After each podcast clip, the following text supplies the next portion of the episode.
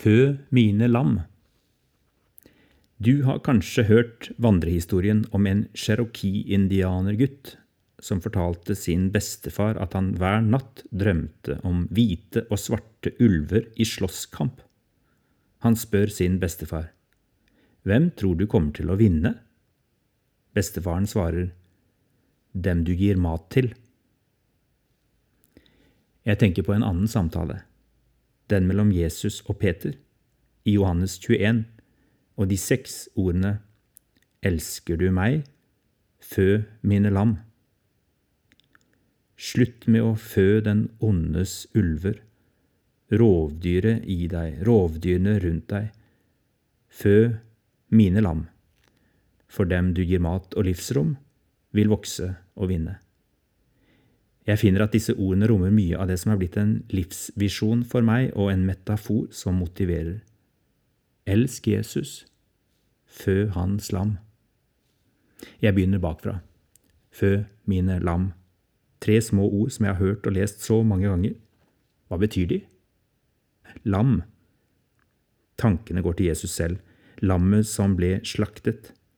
Når også hans etterfølgere beskrives som lam, så uttrykker det en rekke ting noe lite og avhengig, uten makt, forsvarsløst og sårbart, skal fortsatt vokse og utvikle seg, er en planteeter, ikke ment å være noe rovdyr, kan selv lett bli et bytte for rovdyr som ulv eller løve, trenger beskyttelse.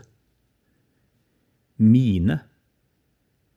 Som gjeter er det ikke jeg som eier lammene, de har en herre. De har en eier, de tilhører ikke meg, de tilhører ham. Slik jeg også tilhører ham.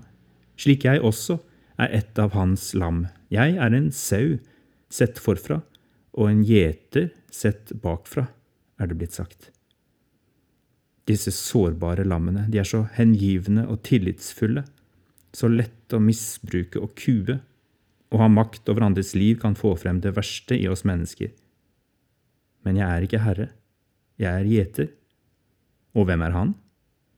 Han er selv det lammet som ble slaktet. Han ga avkall på makten. Det eneste han byr på, er oppofrende kjærlighet som vi kan ta imot eller gå bort fra i fullkommen frihet. Her er mønsteret for all etterfølgelse. Han ber Peter om å fø hans lam de som kommer til Jesus og blir hos ham i fullkommen frihet. En enorm tillitserklæring som bare blir den til del som selv elsker lammenes herre. Fø. Det jeg gir mat, vokser. Gir jeg ulvene eller lammene mat? Hva velger jeg å bruke min tid, min kraft og min energi på? Fører jeg på ulver? Eller fører jeg på lam? Fører jeg på det gode, det rene, det som symboliserer håp og framtid? Eller fører jeg på rovdyrene, de som representerer makt, uro, kontroll, konflikt, ufrihet, brutalitet? Hva er det i meg og rundt meg som får lov til å vokse seg større?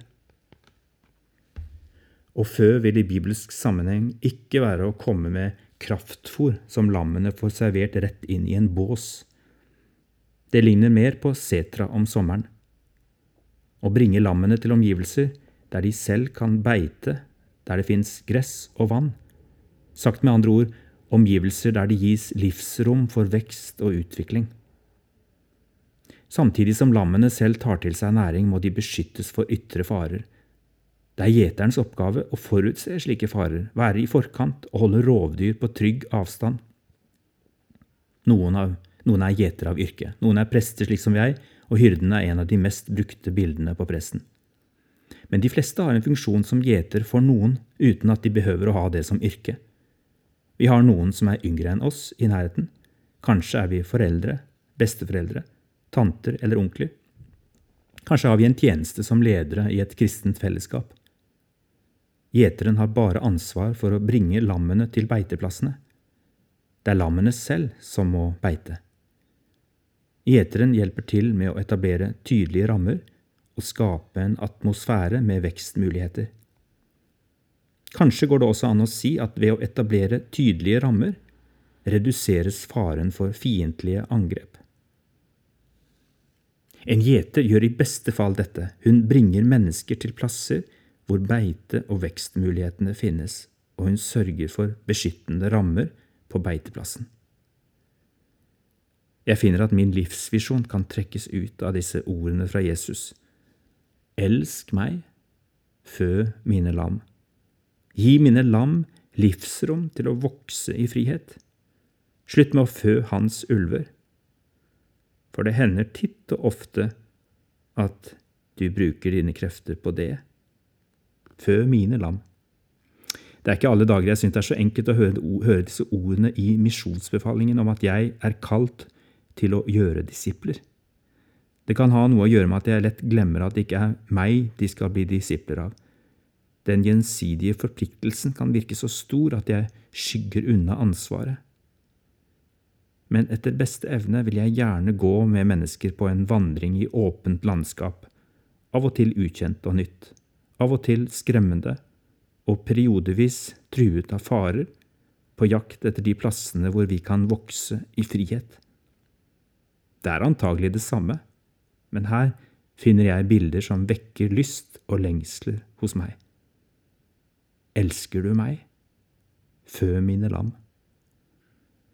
Hvorfor henger disse to aspektene ved Jesu etterfølgelse så tett sammen?